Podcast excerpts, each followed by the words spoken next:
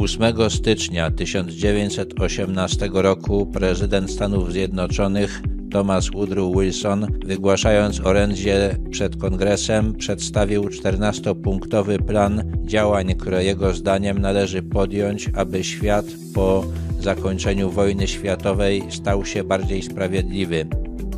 Prezydent stwierdził, że należy zapewnić jawność wszystkich działań dyplomatycznych. Żadne tajne porozumienia nie miały być odtąd zawierane. Ponadto uznał za konieczne zapewnienie swobody żeglugi, zniesienie wszystkich barier ograniczających rozwój wolnego handlu, ograniczenie do minimum zbrojeń. Chciał także rozstrzygania sporów o kolonie z uwzględnieniem interesów ludności, a nie tylko rządów państw, ewakuacji wszystkich wojsk obcych z Rosji i zapewnienia Rosji możliwości samostanowienia. Koniecznymi warunkami sprawiedliwego pokoju były też jego wycofanie wszystkich obcych wojsk z Belgii i zapewnienie, że będzie ona suwerennym państwem, wycofanie wojsk niemieckich z okupowanych ziem francuskich i zwrócenie Francji, Alzacji i Lotaryngii, zwrócenie utraconych w wyniku wojny terytoriów Rumunii, Serbii i Czarnogórze,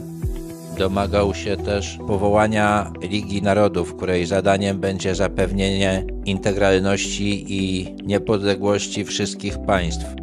Trzynasty punkt programu prezydenta Wilsona przewidywał utworzenie niepodległego państwa polskiego obejmującego wszystkie ziemie zamieszkałe przez ludność bez wątpienia polską i posiadającego dostęp do morza. O konieczności utworzenia państwa polskiego mówił wcześniej przynajmniej dwukrotnie. W październiku 1918 roku Niemcy zgodziły się na te 14 punktów.